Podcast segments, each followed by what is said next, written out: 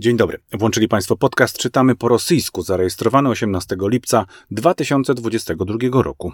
To wydanie 77, w którym mówimy między innymi o indeksie Szaurmy, który ma opisać siłę nabywczą mieszkańców Rosji oraz o fatalnie idiotycznych protokołach policyjnych z zatrzymań rosyjskich demonstrantów, którzy na swe sztandary wciągają cytaty z klasyków literatury rosyjskiej.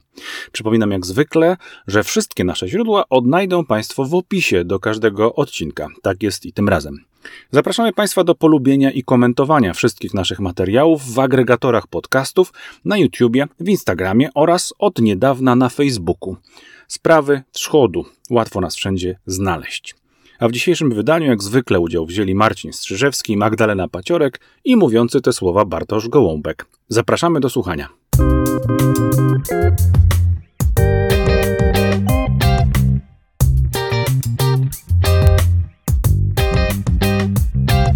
Cześć Marcinie, witam cię serdecznie. Dzień dobry Państwu.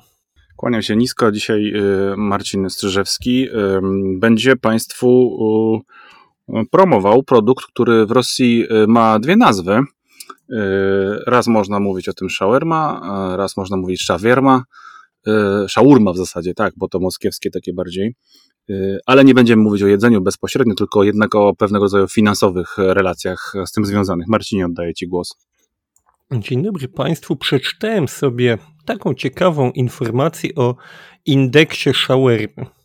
To jest wskaźnik, który nam trochę jak indeks Big Maca pokazuje relację dochodów do ceny żywności, przy czym w tym konkretnym e, przypadku za punkt odniesienia brany jest właśnie ten produkt, jakim jest shawarma. To jest najbliżej naszemu polskiemu, tradycyjnemu kebabowi. Oczywiście podobnie jak shawarma nie jest rosyjska, tak kebab nie jest polski, ale wiemy o co chodzi. Typowe, poimprezowe, szybkie, uliczne, tłuste danie z mięsem. Takie zawijane, żeby łatwo to chwycić w rękę. W tym indeksie oczywiście wygrała Moskwa. I jak to jest liczone? Otóż oni wzięli średnią cenę takiego dania i średnią wypłatę mieszkańca danego miasta według danych Rossstatu i wyszło im, że przeciętny mieszkaniec Moskwy może kupić sobie 406 porcji takiej szawermy. Przy czym to, co jest y, naprawdę dla mnie interesujące, to jest, oni tutaj podali średnie zarobki mieszkańca Moskwy, które według nich wyniosły jakieś szalone pieniądze, zupełnie 121 tysięcy rubli podali. Mm, to jest w przeliczeniu takim bardzo bezpośrednim, więc uproszczonym, prawie 10 tysięcy złotych. Jak Państwo możecie się z pewnością domyślić, nie jest to typowa rosyjska wypłata. Hmm, oczywiście można uwierzyć, że w takim uśrednieniu, w takim, w którym ja z psem mamy średnio po trzy nogi, to tyle może wychodzić. Moskwa faktycznie jest tym miejscem, w którym najlepiej widać gigantyczne dysproporcje pomiędzy tymi bogatymi mieszkańcami i tymi biedniejszymi mieszkańcami, ale żeby mm, zrozumieć, jak wygląda to w trochę bardziej popularnych, y, demokratycznych, jak to mówią Rosjanie, warstwach społecznych, czyli tak wśród szerokiego ludu, to sobie popatrzyłem na dostępne w okolicy Moskwy. Mm, wakaty, miejsca pracy i na przykład znalazłem, no jednak pierwszy z brzegu, e, pierwszy z brzegu wakat w Moskwie w tej chwili, czyli strzelec karabinu maszynowego. To nie jest żart, proszę Państwa, naprawdę takie mm, wakaty w tej chwili się na stronach e, pojawiają, stronach takich zupełnie zwykłych, tu akurat superjob.ru, zwykła strona z mm, ogłoszeniami o pracę. Taki strzelec może tutaj zarobić od 30 do 45 tysięcy rubli, czyli on by nie zjadł 406 porcji shawarmy, tak jak ten teoretycznie średni yy, mieszkaniec Moskwy, tylko 151, prawie 3 razy mniej. W, tym wy, w tych wyższych widełkach przy 45 tysiącach rubli, przy 30 tysiącach byłoby to jeszcze znacząco mniej. Warto powiedzieć, że tego typu, tego typu ogłoszenia o pracę są tutaj dość częste. E, przy czym rozrzut finansowy jest potężny, pociągnę sobie ten wątek. Nawet widzę tutaj ogłoszenie od 250 do 350 tysięcy rubli, ale tu już podejrzewamy, że chodzi o człowieka, który faktycznie będzie musiał ryzykować życiem na linii frontu i tego typu ogłoszenia jak najbardziej znajdują się bezpośrednio e, bezpośrednio na stronie Superjoperu o 30 tysięcy rubli dla wojskowego mechanika, dla o, człowieka obsługującego miotacz ognia. Możemy podejrzewać, że chodzi raczej o taki ciężki miotacz ognia. Mm, te wyrzutnie rakiet termobarycznych 30-35 tysięcy rubli, no do tych 121 tysięcy rzekomo, rzekomo średnich to jest daleko, o, ale tutaj mamy radiotelegrafistę na okręcie 150 do 200 tysięcy rubli.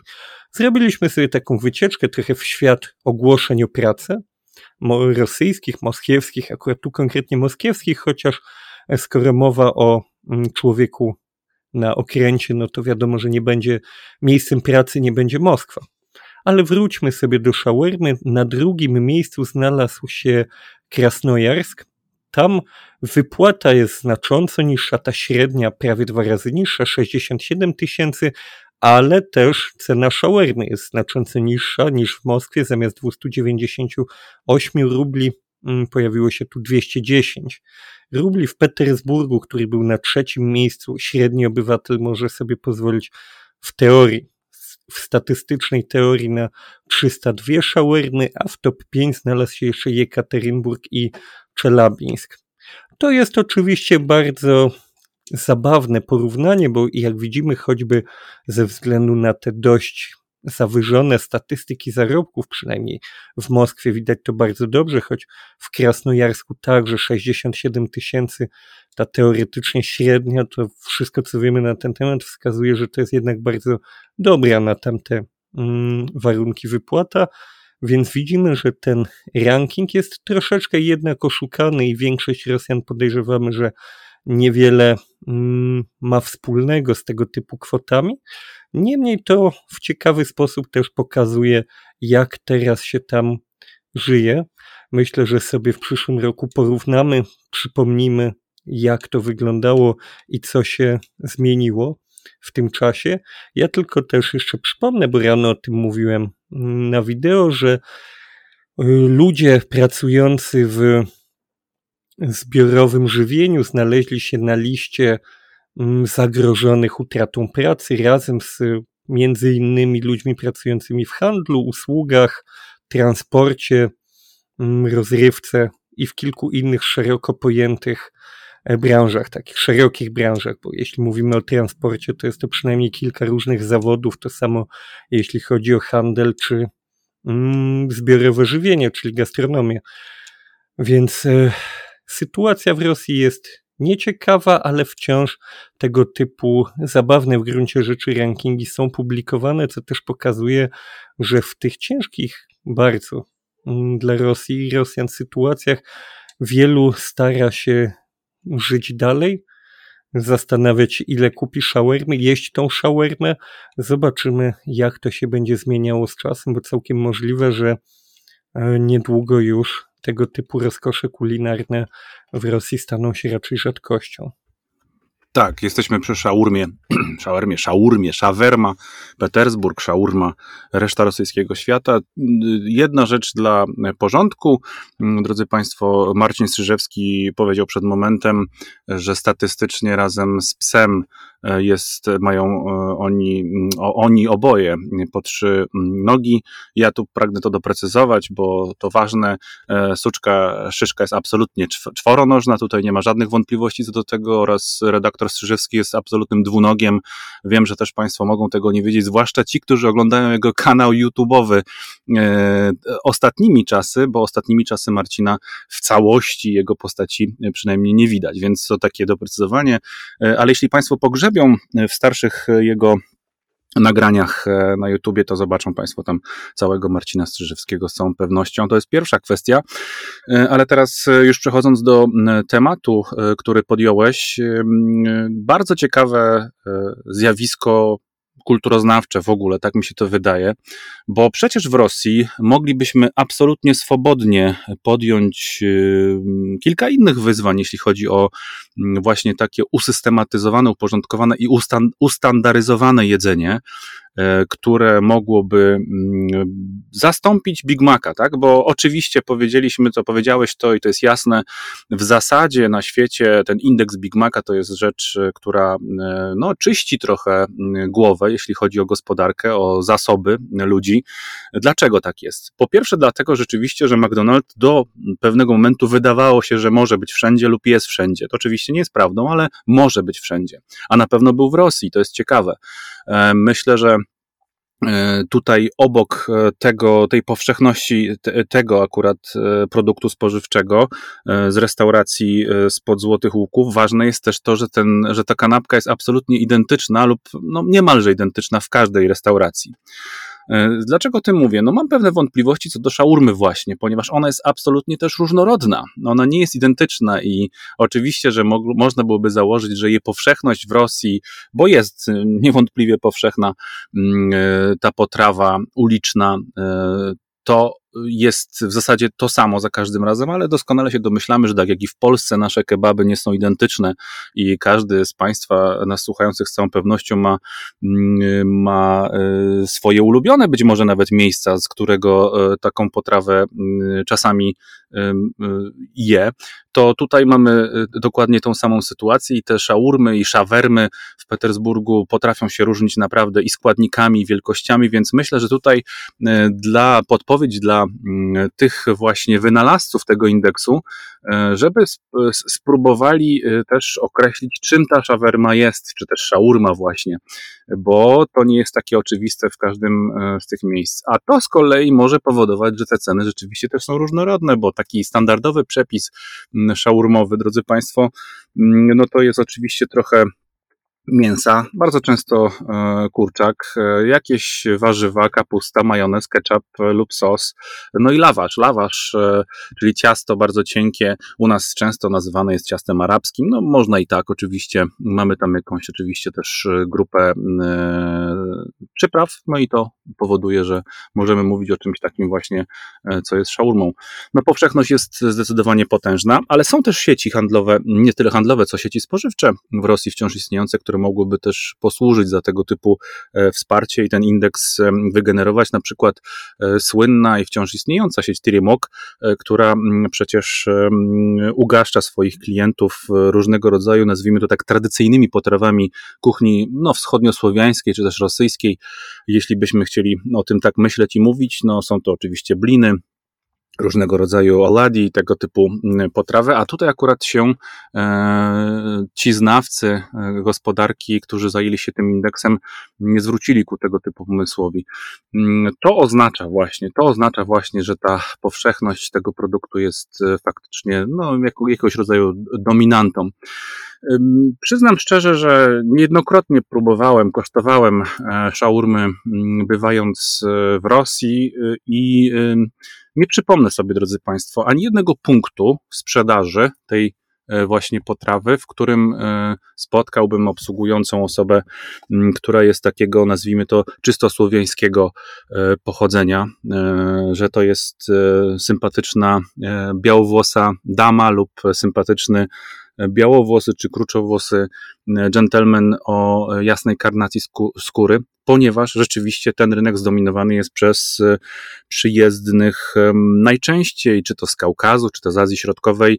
I to jest zupełnie naturalne dla tych ludzi, oni po prostu doskonale tą potrawę znają i wiedzą, jak ją przyrządzać, i zapewniam Państwa, że e, nie ma tutaj absolutnie żadnych e, przeszkód. Wszystkie one, na które ja przynajmniej trafiałem, a w bardzo różnorodnych miejscach mm, zdarzało się je konsumować, były absolutnie pyszne i nawet, powiem szczerze, trochę nawet tęsknię za tym smakiem e, z tego właśnie wschodniego mm, rozdania. Myślę, że się doczekasz, bo przełom jest dość blisko i myślę, że Rosja jeszcze za naszego życia za parę lat stanie się zupełnie przyjaznym dla turystyki krajem, szczerze w to wierzę. A, tym, a tymczasem odszedł ze stanowiska człowiek bardzo na pewno mm, no taki nie powiedzielibyśmy kompetentny, czy przesadnie jakiś e, skuteczny w swoich działaniach, ale na pewno pełen kolorytu, e, interesujący, w dużej mierze lubujący się w dziwacznych wypowiedziach na Twitterze, Dmitrij Ragozin. On przez ostatnich kilka lat był szefem korporacji państwowej Roskosmos, czyli tej, która zajmowała się przede wszystkim obietnicami wysłania rosyjskich kosmonautów gdzieś daleko w, e, w przestrzeń międzygwiezdną, a w rzeczywistości zajmowała się tak naprawdę wieloma różnymi rzeczami. Oczywiście Rosja e, cały czas przez te lata wysyłała obiekty w kosmos, e, różne satelity, produkowała części do rakiet. Coś się działo, ale takich dużych projektów tu nie było. Dmitrij Ragozin został wysłany nie w kosmos, tylko do administracji prezydenta. Na jego miejscu z kolei ma zasiąść Jurij Barisow, ale to sam Ragozin tutaj jest y, według mnie ciekawszym tematem i dobrą osobą, żeby trochę powspominać jego ostatnią działalność.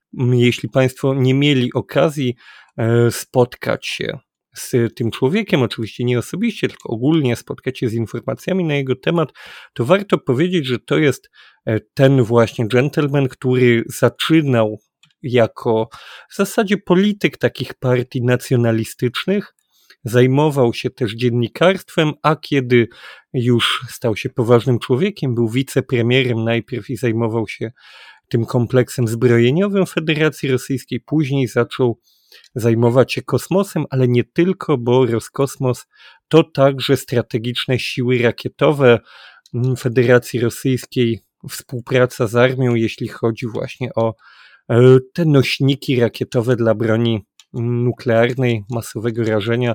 Także poważna, odpowiedzialna sprawa. O nim było parę razy głośno, na przykład wtedy, kiedy w kontekście współpracy ze Stanami Zjednoczonymi był taki krótki, no nawet nie taki krótki, ale był taki moment, kiedy Stany Zjednoczone nie posiadały zdolności wynoszenia ładunków i kosmonautów na Międzynarodową Stację Kosmiczną i Ragozin w takiej pyszołkowatej bucie stwierdził, że jeśli Amerykanie nie będą z nim współpracować, to będą wysyłać kosmonautów na ISS przy użyciu trampoliny. Oczywiście później pojawił się Elon Musk, który wymyślił, a w zasadzie jego firma, jego specjaliści, bo przecież nie on osobiście, wymyślili rakiety znacznie skuteczniejsze, tańsze w obsłudze, wielokrotnego przynajmniej częściowo użytku, które okazały się ogromnym przeskokiem i zostawiły rosyjską technologię dość daleko w tyle.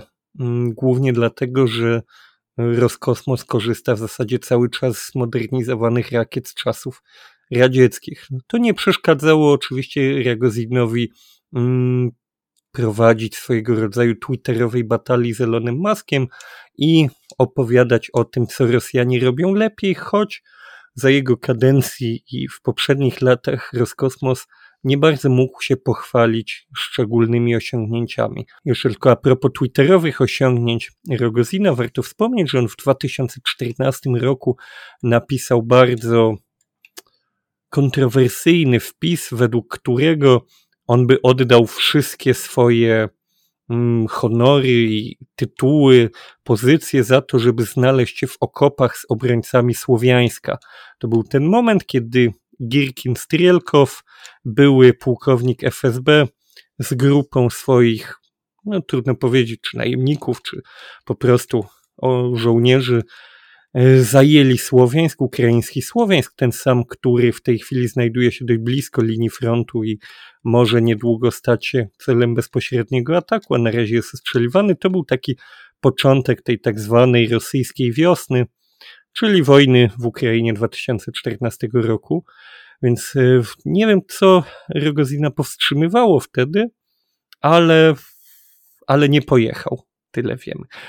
Przy okazji mm, odwołania Rogozina z tej pozycji Meduza przygotowała ciekawy artykuł, w którym dała się wypowiedzieć Witaliowi Jegorowi, popularyzatorowi nauki, zwłaszcza tej właśnie kosmicznej, który wymienił kilka plusów i minusów Rogozina na swoim stanowisku. Przede wszystkim on powiedział bardzo ciekawą rzecz, ponieważ faktycznie pan Rogozin wielokrotnie obiecywał różne bardzo takie duże projekty, chociażby właśnie powrót, a w zasadzie powrót człowieka na Księżyc i pierwsze załogowe rosyjskie misje na Księżyc. Przypominam, że to się Związkowi Radzieckiemu ani Rosji nigdy nie udało, żeby człowieka wysadzić na Księżycu. On mówił o takich rzeczach, mówił, że to jest możliwe, sugerował ewentualną eksplorację Marsa. Mm, Jegorow w Meduzie twierdzi, że to nie były obietnice, że to były próby zwrócenia uwagi rządu rosyjskiego na to, co teoretycznie było możliwe do zrobienia, jeśli tylko by pojawiło się odpowiednie finansowanie. Tam się pojawiła oczywiście drobna sugestia, że takie finansowanie potężne, bo tego typu projekty no to są wydatki absolutnie kosmiczne, że pozwolę sobie tak zażartować, że tego typu mm, wydatki mogłyby także potężnie wzbogacić Rogozinę osobiście, ponieważ pozwoliłyby bardzo potężnie mm, po prostu kraść na tego typu projektach. On jest kojarzony zresztą na przykład z długotrwałą epopeją budowy nowego kosmodromu, kosmodromu Wastocznej, ale Jegorow zauważa także, że no Ragozin miał tu kilka plusów na stanowisku, że kilka rzeczy mu się udało. Na przykład zauważa, że za jego czasów liczba wypadków przy startach rakiet była nieduża, jak na rosyjską historię. One się oczywiście zdarzały, ale było ich mniej niż wcześniej, co oczywiście jest plusem. Dodatkowo Ragozin miał zmniejszyć liczbę spraw sądowych o korupcję dotyczących Roskosmosu, co oczywiście rodzi takie złośliwe pytanie, czy było mniej spraw w sądzie, czy mniej korupcji.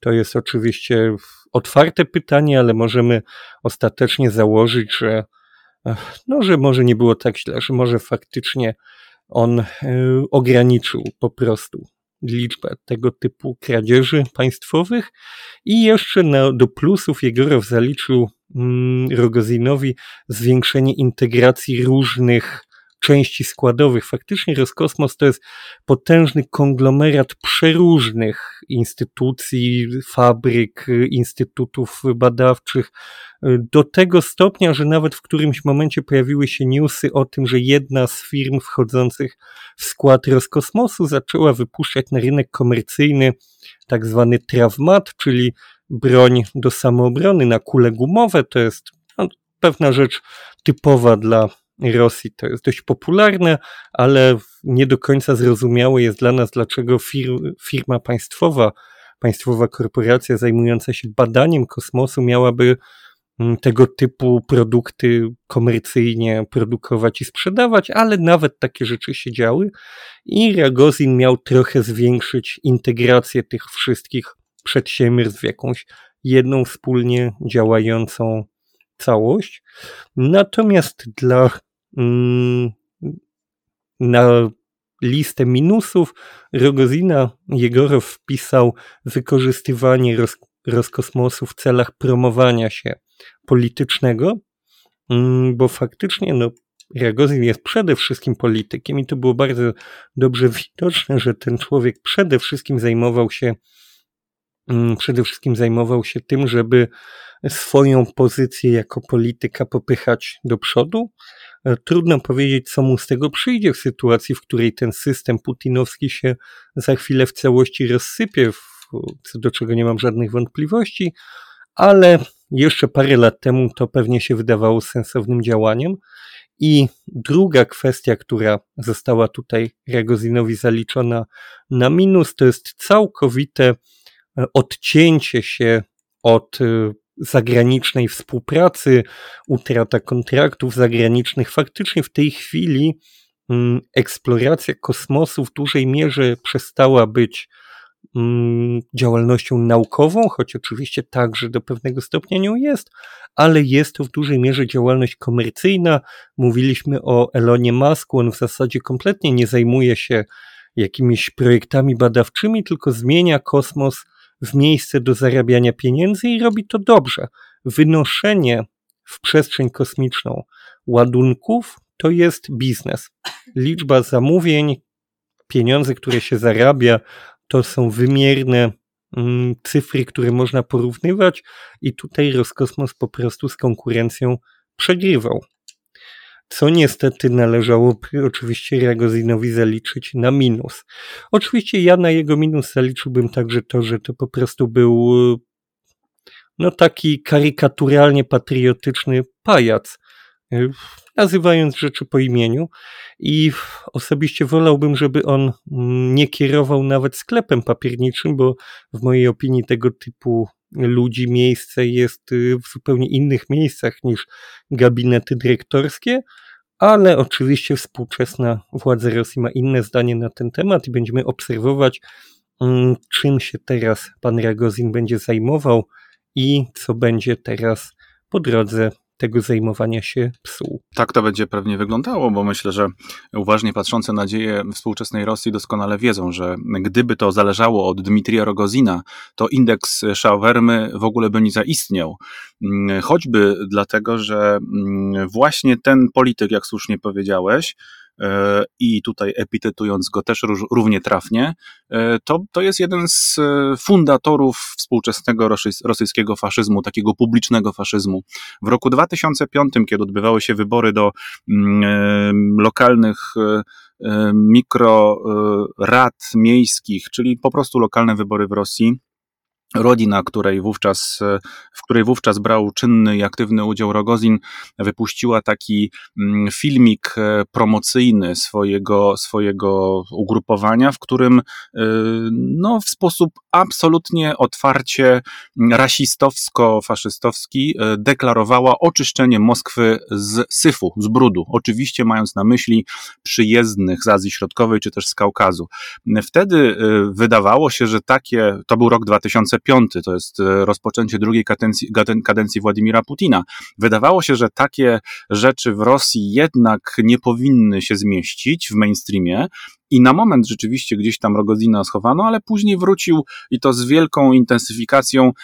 Człowiek, jak twierdzi wielu e, obserwatorów, bez żadnych kompetencji oprócz tych politycznych, bo to dziennikarz i PR-owiec jednocześnie, ponadto nie mający innych no, zacnych, szlachetnych cech, które byłyby służyły do tego, żeby być na przykład wicepremierem rządu wielkiej i potężnej Rosji, a był nim przecież Rogozin przez e, wcale nie krótki czas i ten moment e, dla niego też e, został zapisany jako no, pewnego rodzaju naduż jedno wielkie nadużycie, no bo jeśli Państwo popatrzą choćby na karierę syna Dmitrija Rogozina, niejakiego Aleksieja, wówczas 30 ponad lekko ponad 30-letni chłopak, e, również bez specjalistycznych kompetencji, został, drodzy Państwo, na dwa lata, 2017-2019, generalnym dyrektorem firmy, które, której nazwa już wielu pilotów, wielu specjalistów od lotnictwa może przyprawić od reszty, czyli awiacyjny kompleks imieni Iliuszyna. No, któż z Państwa, którzy się troszeczkę lotnictwem nie zajmowali w życiu, nie zna tej, e, no, zacnej marki radzieckiej, później rosyjskiej, Iły. Tak jest. I młody chłopak zostaje wówczas, relatywnie młody chłopak zostaje dyrektorem tej firmy bez żadnego przygotowania. Nawet w czasach radzieckich, drodzy Państwo, jak byśmy na to nie popatrzyli e, przez pryzmat e, nieszczęścia, które te, ta epoka przyniosła nie tylko Związkowi Radzieckiemu, ale ma, masie narodów, to w takich okolicznościach na pewno, żeby zostać dyrektorem tej firmy, trzeba byłoby przynajmniej być in, inżynierem jakiegoś rodzaju um, specjalności związanej z awioniką, z awiacją, żeby gdzieś stopniowo e, awansować. Oczywiście pewnie trzeba było być też w partii, ale tutaj już w Rosji putinowskiej wystarczyło być e, synem Dmitrija Rogozina, żeby takie stanowisko zajmować. Ludzie Nawalnego też wypunktowali dosyć ściśle tą postać, jeśli chodzi o no, nadużycia finansowe również, niewątpliwe.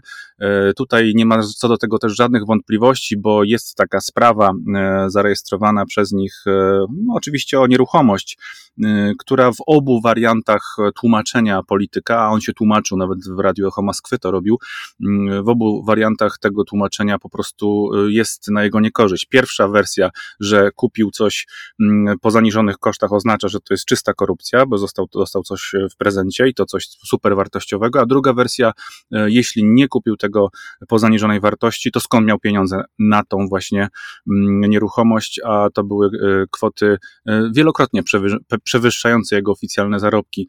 Rogozin, drodzy Państwo, Został zdymisjonowany ze stanowiska szefa Roskosmosu, to prawda, czy też odszedł, tak byśmy powiedzieli, ze stanowiska szefa Roskosmosu. Marcin, o tym powiedziałeś i słusznie zwróciłeś na to uwagę, że jego potyczki twitterowe już chyba przejdą do z Elonem Muskiem. Jak ciebie takoje Elon Musk? To już nawet pół rosyjskiego Twittera zaczęło z tego szydzić oczywiście, ale te jego potyczki twitterowe przejdą do historii samego Twittera najpewniej.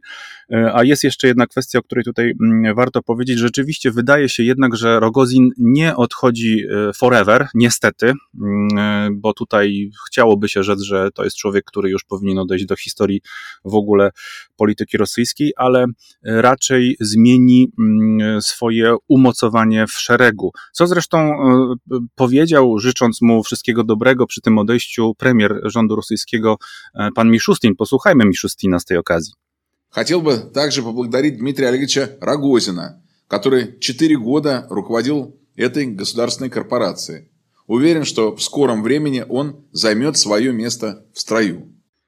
Tam padają takie słowa miasta w stroje. No właśnie, miejsce w szeregu. Wszystko wskazuje na to, a tak media e, te niezależne, które e, gdzieś tutaj funkcjonują jeszcze e, w, na obrzeżach systemu rosyjskiego, mówią o tym, że to może być funkcja jakiegoś rodzaju koordynatora do spraw e, Doniecka, Ługańska i terenów okupowanych.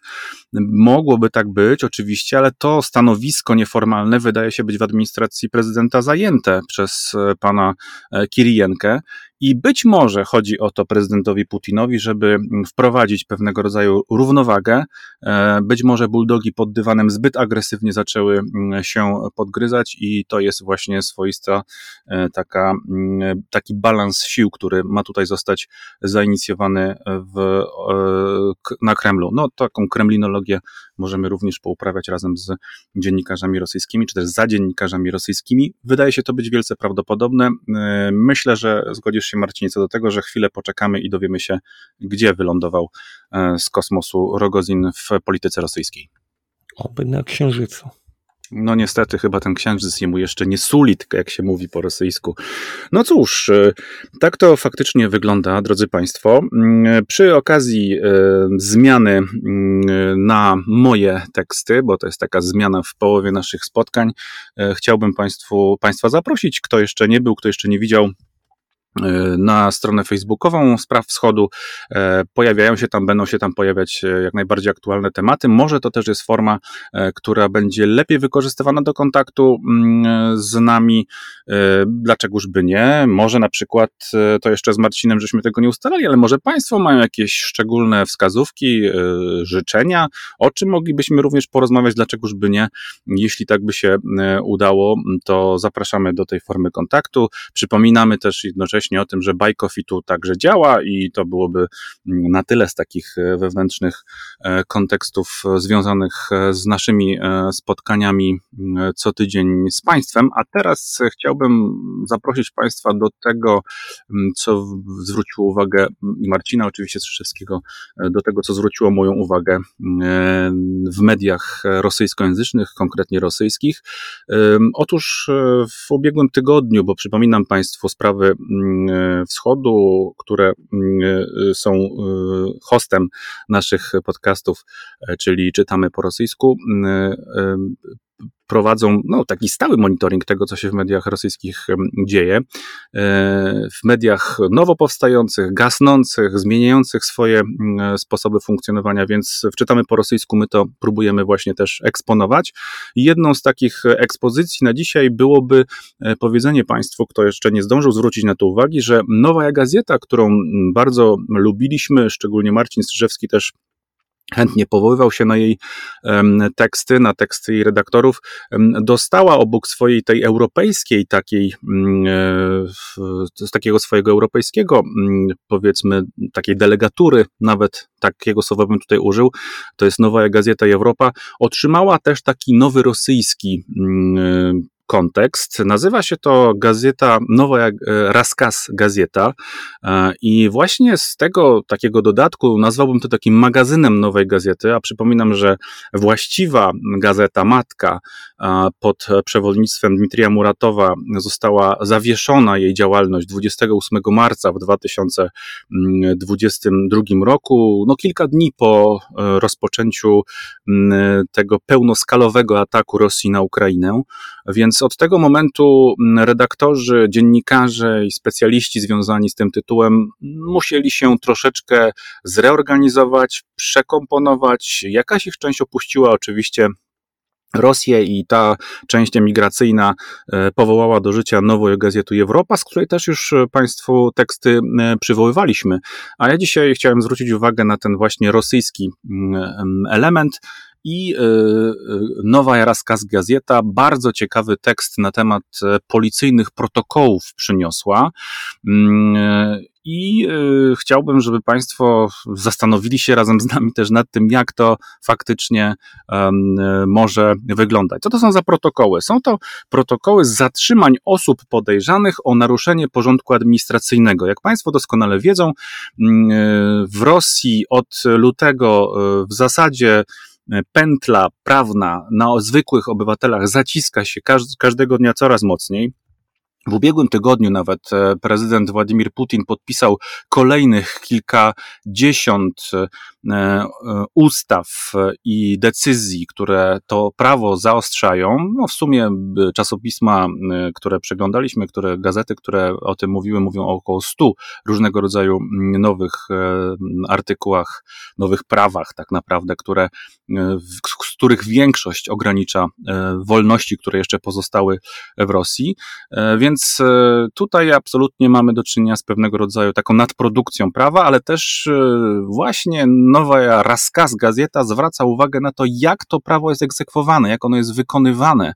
E, no, na tym ostatnim etapie, czyli od uchwalenia aż po faktyczne egzekwowanie tych wszystkich zapisów. No więc te protokoły z zatrzymań osób e, podejrzanych są bardzo interesujące. Autorzy tekstu zwracają uwagę przede wszystkim na język rosyjski tych protokołów. Gramatyka i język rosyjski e, są bardzo dalekie od ideału, a tutaj zaraz Państwo usłyszą, że mm, chodzi o specyficzne demonstracje, które miały miejsce w Rosji w marcu przede wszystkim, e, w których to demonstracjach osoby wychodzące na protesty e, posługiwały się cytatami z klasyków literatury rosyjskiej. E, I w zestawieniu z tymi klasykami, oczywiście można powiedzieć, że język protokołów e, pisanych przez policjantki i policjantów jest bez zębów, ma powyłamywane ręce i nogi, jest brudny, śmierdzi od niego, oczy ma wykłute. To jest cytat z tekstu. Wszystko jest jasne, czyli był bity i maltretowany. To jest język, który w zasadzie nie pasuje do niczego. Chodzi tutaj o generalną niedbałość językową, e, braku zgadniania form żeńskich, męskich, to jest zupełna ignorancja interpunkcyjna, to tylko tak na pierwszy rzut oka można Państwu e, krótko opisowo powiedzieć. Ale treści, e, wedle których ludzie Zwykli ludzie protestujący przeciwko wojnie, oczywiście prowadzonej przez Rosję, mm, e, są e, e, karani administracyjnymi mandatami, czy też nawet więzieniami, no, są też bardzo interesujące. Zerknijmy do tych protokołów, przynajmniej kilku przykładów, które tutaj są mm, wskazywane. Pierwszy z nich o okolicznościach popełnienia przestępstwa administracyjnego, czy też wykroczenia administracyjnego. To jest ulica Wołchonka, Moskwa, 24 marca mm, bieżącego roku. Naprzeciwko katedry Chrystusa Zbawiciela e, obywatel Nikitin, będąc w miejscu publicznym, niosąc i pokazując środki agitacji wizualnej, plakat z następującym tekstem: Patriotyzm to e, zaprzeczenie godności człowieka, rozumu, sumienia i niewolnicze podporządkowanie się rządzącym. Patriotyzm to niewolnictwo. To jest cytat Lwa Tołstoja. E, drodzy Państwo, jeśli byście poszukiwali, gdzie konkretnie Tolstoj takie rzeczy pisał, obrazoburcze, a pisał oczywiście, tak, tak, e, to jest tekst publicystyczny tego pisarza, zatytułowany Chrześcijaństwo i patriotyzm. To jest tekst, który opublikował Tolstoj 17 marca w roku 1894. Mm, I e, czytajmy dalej, co jest w tym protokole. Mm, e, obywatel Nikityn z tym właśnie plakatem i z cytatem z Tolstoja przyciągał tym samym uwagę szerokiej publiczności, blogerów, a także mediów. Treść tego plakatu wywołuje silne skojarzenia z wizerunkiem Lwa Tolstoja, który z kolei jako kluczowa postać historyczna w swojej działalności opozycyjnej propagował ideologię obalenia rządu. Lew Tolstoj, zgodnie z faktami, jest postacią historyczną, reprezentującą umownie nazwane zwierciadło rewolucji. To jest akurat teza Lenina. E, to jest mój komentarz. Powszechnie wiadomo, cytuję dalej protokół, że w swoich dziełach, artykułach publicystycznych autor ostro krytykował panujący reżim, zwłaszcza za usprawiedliwianie przemocy w wybuchu społecznym. No i działania pana Nikitina należy więc interpretować jako wezwanie do obalenia obecnego reżimu i podążania za ideologią Tołstoja. Mając na uwadze, że treść propagandy wizualnej plakatu jednoznacznie wyrażała negatywny stosunek do obecnych władz Federacji Rosyjskiej, a konkretnie do działań naczelnego dowódcy sił zbrojnych Rosji, przy czym publicznie dostępne informacje w internecie, w sieciach społecznościowych emitowały negatywny stosunek do trwającej operacji wojskowej sił zbrojnych Rosji i tak dalej, i tak. W związku z tym Tołstoj, mm, w zasadzie Tołstoj, Lew Tołstoj, autor Anny Kareniny, autor Wojny i Pokoju, został tutaj wyprowadzony jako ten, który faktycznie jest y, no, winny tego występku obywatela e, współczesnej Rosji, współczesnej w rozumieniu sensu stricto, drodzy Państwo. To są wydarzenia z marca tego roku 1922, przypominam. No, wychodzi na to, że cytowanie Tołstoja jest niepoprawne politycznie, ale dokumenty, które nie są tajne, bo te protokoły nie są tajne, można cytować, tak napisała redakcja.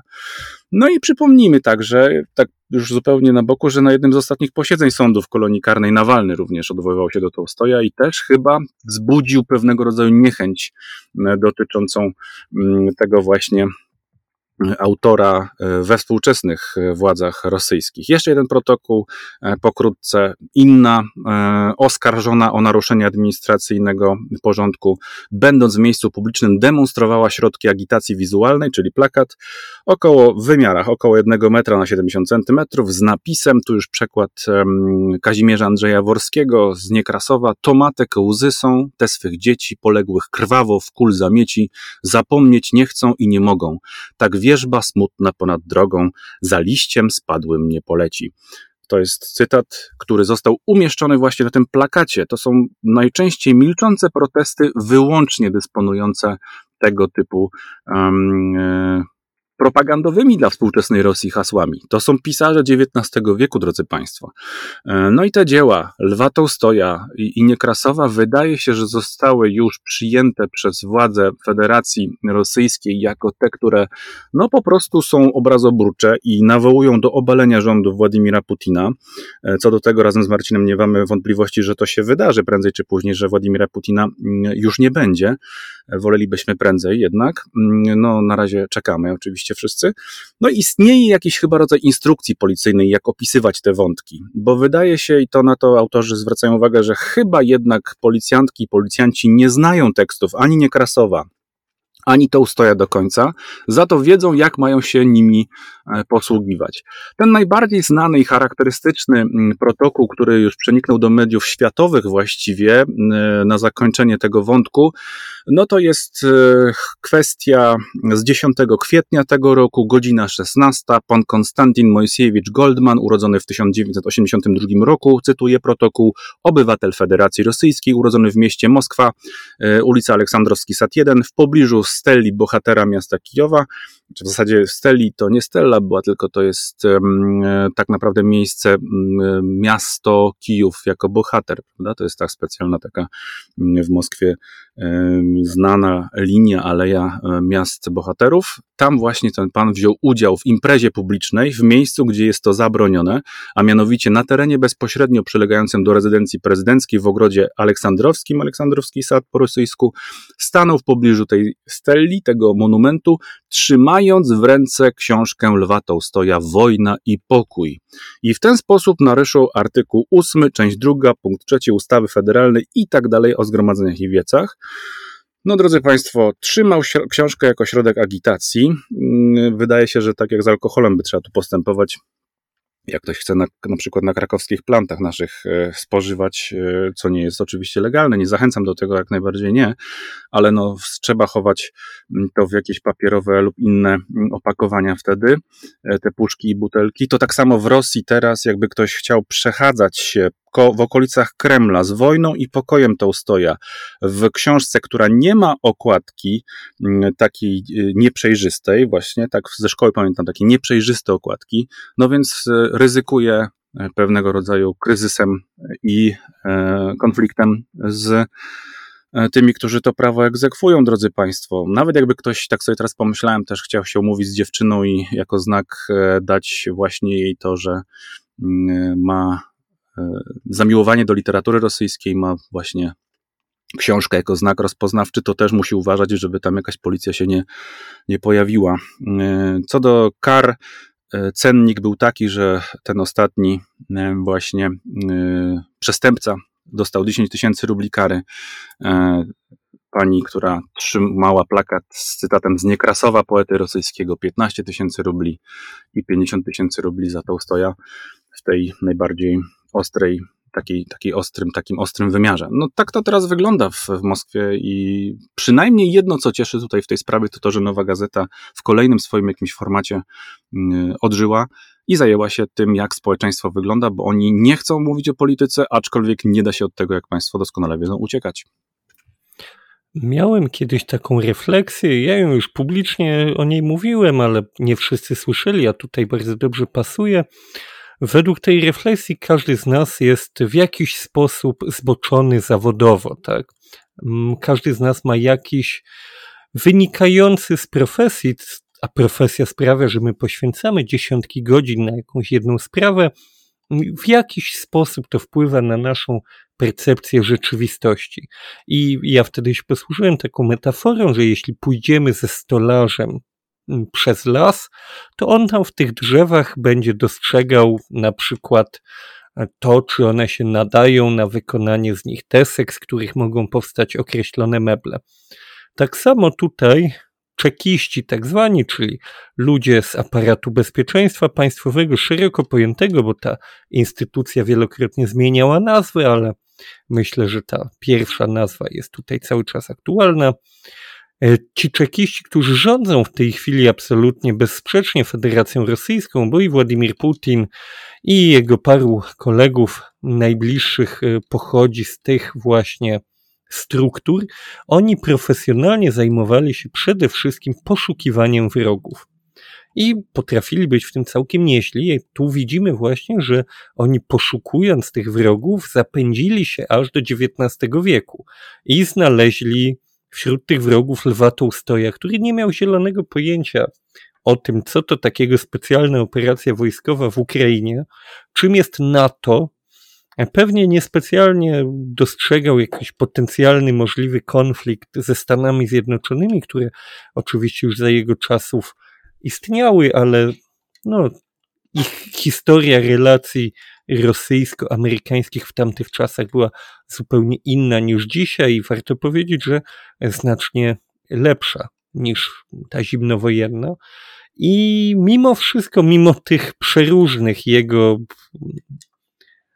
jakby przeróżnych kwestii, które sprawiają, że on zupełnie nie ma odniesienia do tych dzisiejszych wydarzeń, mimo to Tołstoj został zapisany na listę wrogów obecnego reżimu. Jest to dość przykre, a przy okazji także nie jest to refleksja nowa, ale i tak warta powtórzenia.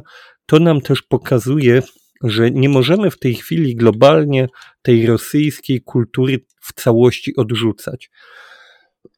Rosja ma długą historię tyranii. W, na różnych etapach to się oczywiście luzowało i zacieśniało, być może też ewoluuje w jakiś sposób, który ostatecznie doprowadzi do tego, że ten kraj tę tyranię pożegna, bo wiele innych krajów w którymś momencie się z tyranią pożegnało i Rosja nie musi być tu wyjątkiem, nie musi być na nią skazana, ale w tych różnych etapach historii Rosja posiadała swoją sztukę, często bardzo ciekawą i ona też często była skonfliktowana wewnętrznie, to znaczy to nigdy nie był jakiś monolit, zawsze były te utwory, twórcy mm, reprezentujący różne nurty, różny sposób myślenia i bardzo często było tak, że obok tych y, twórców, nazwijmy to, nastawionych bardziej imperialnie, propaństwowo, byli także ci, którzy przeciwstawiali się temu. I byli tacy w czasach radzieckich, i byli tacy w czasach Mikołaja I, i byli tacy właśnie jak Tołstoj, który posiadał w zasadzie bardzo ciekawą swoją odrębną filozofię, E, tam jednym z jej filarów było odpowiadanie dobrem na zło. To był taki człowiek, który oczywiście też mylił się, też błądził, też potrafił się gdzieś tym wszystkim pogubić, ale ostatecznie gdzieś starał się promować filozofię po prostu bycia dobrym dla innych, niekrzywdzenia, pomagania, co pozostaje cenną refleksją i zawsze nią będzie, bo to jest coś, co się nie przeterminuje, nie straci ważności czy aktualności. Więc my w tej chwili, w mojej opinii, nie powinniśmy kultury rosyjskiej jako takiej odrzucać, tylko po prostu wybrać z niej to, co faktycznie jest w stanie przeciwstawić się, tak jak się przeciwstawiało w swoich czasach,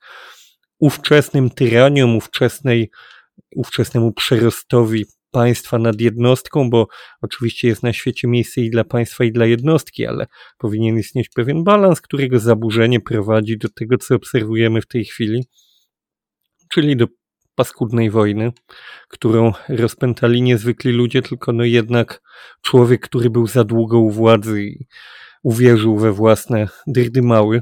Już nie będziemy się tu z nim specjalnie ubierać tego, wijać w bawełnę, bo nie ma sensu.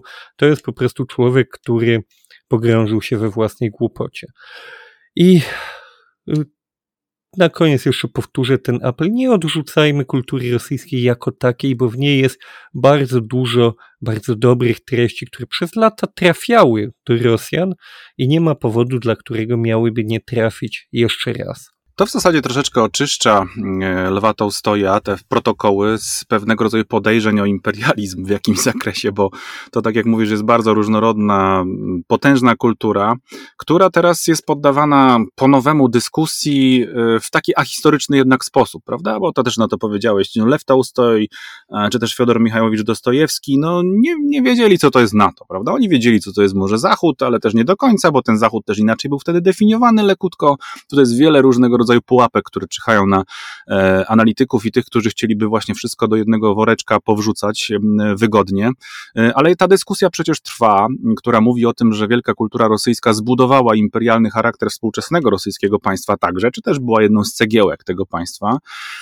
I taki Tolstoj w zasadzie by dzisiaj mógł wychodzić na pewnego rodzaju symetrystę, no bo z jednej strony imperialista, a z drugiej strony chce obalać władzę. W zasadzie nie wiadomo, jak go klasyfikować dobrze. No, w każdym razie z protokołów rosyjskich wynika to, co wynika rosyjskiej policji, prawda?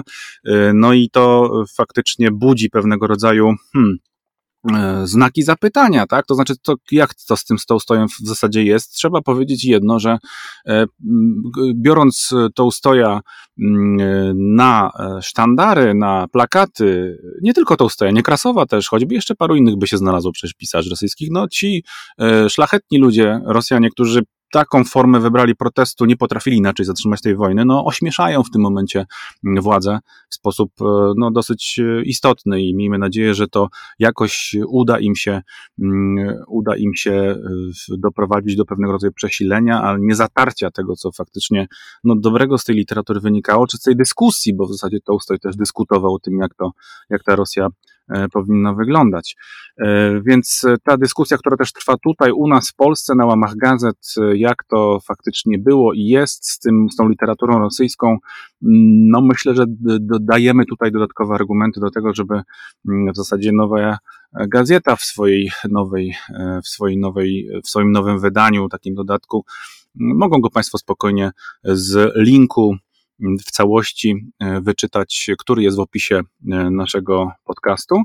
Idąc dalej, drodzy Państwo, damy teraz głos e, Magdalenie, Magdalenie Paciorek, która przygotowała krótki dźwięk i objaśnienie tego, co wydobywa nam na powierzchnię słowo żara, czyli upał, który chyba już nas coraz bardziej będzie teraz, będzie nam coraz bardziej towarzyszył.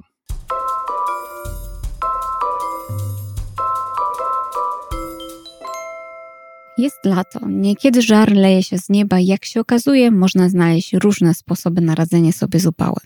A ja powiem Wam o tym, jak powiedzieć upalnie po rosyjsku. W jednym z artykułów pojawia się zdanie Проезд в общественном транспорте, особенно в юрскую жару, это пытка. Przejazd w transporcie publicznym, szczególnie w lipcowy upał, to tortury.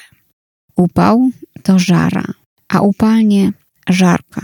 A jeśli powiemy сегодня żarcie dzień wczoraj, to oczywiście nie porównujemy jedzenia dzisiejszego z wczorajszym, a mówimy, że dziś jest bardziej upalnie niż wczoraj.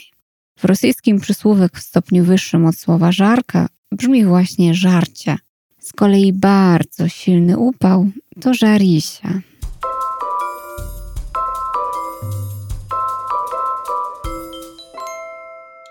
No właśnie, żariście tam takie słowo pada, to słowo, które może być e, słowem kluczem na najbliższe dni. Dlaczego odwołujemy się do tego upału? E, otóż, drodzy Państwo i drogi Marcinie, mamy, trzymając się trochę też tych kar wszystkich, które e, są domeną życia rosyjskiego współcześnie, mamy pewnego rodzaju też debatę, taką letnią debatę, która pewnie pojawia się i w polskich różnego rodzaju mediach, jak e, zadbać o czystość w środkach transportu, komunikacji miejskiej. Latem oczywiście chodzi o nieprzyjemny zapach, który czasami towarzyszy mm, e, podczas przejazdu z może nie nazbyt uważnymi w higienie osobistej pasażerami. I oto Petersburg, czyli mm, druga stolica Rosji już zainicjowała wprowadzenie takich mandatów. Za co? Za brudną na przykład i cuchnącą odzież. E, oczywiście podczas przejazdu środkami komunikacji miejskiej. To jest kara od 100 do 500 rubli przewidziana. I ja szukając informacji z dalekiego rosyjskiego wschodu, sięgając do Chabarowska, mm, no znalazłem tam właściwie taką odpowiedź z przeciwległego krańca Rosji, e, czy Chabarowczanie mieszkańcy tego e, miasta również byliby gotowi taką prawną e, poprzeć, takie mandaty wesprzeć i rzeczywiście tutaj w takiej sądzie ulicznej dla lokalnego medium okazało się, że tak, że jak najbardziej są osoby zainteresowane tego typu rozstrzygnięciem. Ale dla mnie w tej sprawie jest ważny taki wniosek, który chciałbym, żeby Państwo usłyszeli mm, na własne uszy właśnie. E, jedna z pań wypowiadająca się w tej sprawie mówi tak. Mandaty zawsze mobilizują do lepszego zachowania. Proszę jej posłuchać. Штрафы всегда побуждают лучше себя вести. No właśnie, mandaty mają mobilizować do lepszego zachowania, czyli do czego? Do tego, żeby czysty pasażer wchodził do środków transportu miejskiego, no z tą filozofią e, wyrażoną w tak relatywnie błahej sprawie, czyli mandat to jest ok, nie ma lepszego sposobu na rozstrzygnięcie problemu, to z tą filozofią ja nie mam akurat wątpliwości, że system represji w Rosji jeszcze nie powiedział ostatniego słowa. Tak, to jest trochę inny sposób patrzenia na rzeczywistość. I to pokazuje nam, że jest pewna droga do wykonania dla tych ludzi, bo no w tej chwili będziemy obserwowali swojego rodzaju powrót do tych czasów represyjnych. To w zasadzie już teraz widzimy ostatnio miejski deputowany w Moskwie dostał 7 lat kary pozbawienia wolności za sugestię, że można by się nie zajmować e, głupotami, kiedy w Ukrainie giną dzieci. I nazwał wojnę wojną. To nie jest jeszcze koniec. Myślę, że Rosja musi się przygotować na swojego rodzaju przesilenie, ale z drugiej strony to jest też y, interesujący interesujące spostrzeżenie. Jeśli popatrzymy sobie na historię Rosji, to zauważymy, że jednak my tu zataczamy koło, ale to koło cały czas dokądś jedzie. I faktycznie widzimy cykle, ale pamiętajmy o jednym, kiedy Stalin wprowadzał swoje porządki represyjne, on to robił w społeczeństwie, które niewiele było w stanie przeciwstawić temu, co widziało u siebie bezpośrednio na wsi, w mieście. To byli ludzie, którzy nigdzie nie byli, nie mieli kontaktu ze światem zewnętrznym. To zupełnie normalne było dla tamtych czasów, bo, e, no proszę Państwa, oni nie oglądali przyjaciół na VHS-ie, czy już teraz na Netflixie, nie, nie jeździli na wakacje do Turcji, nie uczyli się w Europie.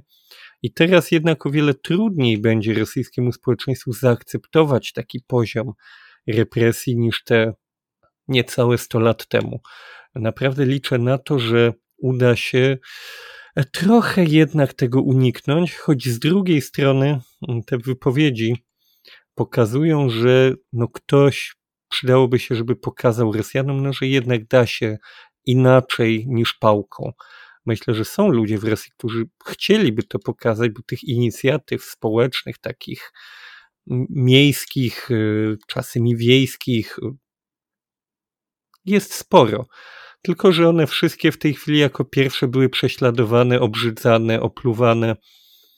Jestem naprawdę bardzo ciekaw, jak to się rozwinie, kiedy zabraknie tego głównego, tej głównej twarzy tego systemu, no bo to też nie jest jakiś jedyny filar, czy czy jedyny motor napędowy, ale z, z całą pewnością twarz. Ostatnie, no tak, no nie aż tak ostatnie, ale niedawne wypowiedzi publiczne Władimira Putina pokazują, że jego stan zdrowia jest co najwyżej taki sobie. Mogliście Państwo zobaczyć, jak on się kołysał w takt wypowiadanych przez siebie słów. No widać, że jest to człowiek chory i zmęczony. Także wydaje się, że już niedługo będziemy mogli zobaczyć, jak rosyjskie społeczeństwo przypomina sobie, że jednak można bez mandatów. O ile się da. E, drodzy Państwo, pewnie wszystkich nami wstrząsnęła informacja z ubiegłego tygodnia, do której chciałbym się też odnieść. Marcin, słusznie powiedziałeś, że deputowany zwraca uwagę, że giną dzieci e, w Ukrainie zupełnie, absolutnie niczemu nie, nie, nie zawinione. Wiem, że mm, e, ta informacja z czwartku ubiegłego tygodnia z Ukrainy, z Winnicy konkretnie, e, stała się przez to też taka dojmująca, że choćby jedna z ofiar została sfilmowana przez jej matkę, mam na myśli czteroletnią Lizę, która wracała mm, z, z mamą od logopedy, rakiety rosyjskie wtedy uderzyły w centrum miasta, to naprawdę jest bardzo niedaleko od Polski, drodzy Państwo, relatywnie niedaleko, ale w gruncie rzeczy bardzo niedaleko, jeśli pomyślimy sobie o emocjach, które ta sytuacja mm, wywołała. Y, wiem też i na pewno Marcinie też to śledzisz, że jest duża zbiórka na Bajraktara dla dla mm, Ukrainy, polska zbiórka. Ona ma swoich zwolenników, swoich przeciwników. Ja bym oczywiście Państwa zachęcał do dołączenia się do wszelkich zbiórek, jeśli to tylko możliwe. Na przykład też do mm, ukraińskiej fundacji Syndrom Downa. Akurat e, dziewczynka, która zginęła właśnie w winnicy w tym e, absurdalnym zamachu, ataku terrorystycznym de facto miała właśnie mm, e, tą, tą, tą przypadłość, tak byśmy powiedzieli, lub to piękno w sobie, które mm, inaczej e, oczywiście konstruuje świadomość tego dziecka. A ja, drodzy Państwo, dlaczego o tym mówię? Bo będąc takie przynajmniej chciałbym o sobie mieć mniemanie. Uczciwym filologiem sięgnąłem dzisiaj do Niekrasowa, żeby popatrzeć, jak on opisywał te wszystkie kwestie. Mm, tutaj mówiliśmy chwilę temu o strasznych protokołach, o strasznej i niczym niezawinionej śmierci dziewczynki i sięgnąłem właśnie do mm, tego wątku niekrasowskiego, wypożyczając w niezawodnej Bibliotece Jagiellońskiej taki zbiór, e, bardzo dawno temu wydany, Niekrasowa właśnie, Mikołaja Niekrasowa, mm, żeby Państwu uświadomić, jak dawno temu to mogło być, to e, jest to klub poetycki Związku Socjalistycznej Młodzieży Wiejskiej, redakcji Nowej Wsi, Ludowej Spółdzielni Wydawniczej. I tutaj wśród e, wierszy, wśród mm, poematów Mikołaja Niekrasowa chciałbym zacytować Państwu jeden z nich, który mm, no, zupełnie mm, przez przypadek e, trafił e, mi e, w oczy. To jest wiersz z 1850 roku. Jeszcze raz to Państwu podkreślmy, że dzisiejsza Rosja także debatuje z XIX-wiecznymi pisarzami. No to wrzućmy tutaj jeszcze jedną, jedną kwestię. Przepraszam za jego wymowę, ale wydaje mi się, że ku czci tych ofiar winnicy mogło to być, mogłoby to być też pewnego rodzaju podsumowaniem naszego dzisiejszego odcinka. Tytuł tego wiersza przetłumaczonego i ten, to tłumaczenie Juliana, Juliana Tuwima teraz Państwo usłyszą. Tytuł tego wiersza to Trumienka z cyklu Na ulicy. Posłuchajmy. Oto idzie żołnierz młody i trumienkę małą trzyma. Chłop jak dąb, a ciężko wzdycha i w surowych oczach łzy ma. A jak żyło dzieciąteczko, to co chwila się mówiło, żebyś szczezło ty przeklęte, a i po coś się rodziło. To jest Mikołaj Niekrasow w 1850 roku, rosyjski poeta. Drodzy Państwo, do usłyszenia za tydzień. Dzięki Marcin. Dziękuję i do widzenia.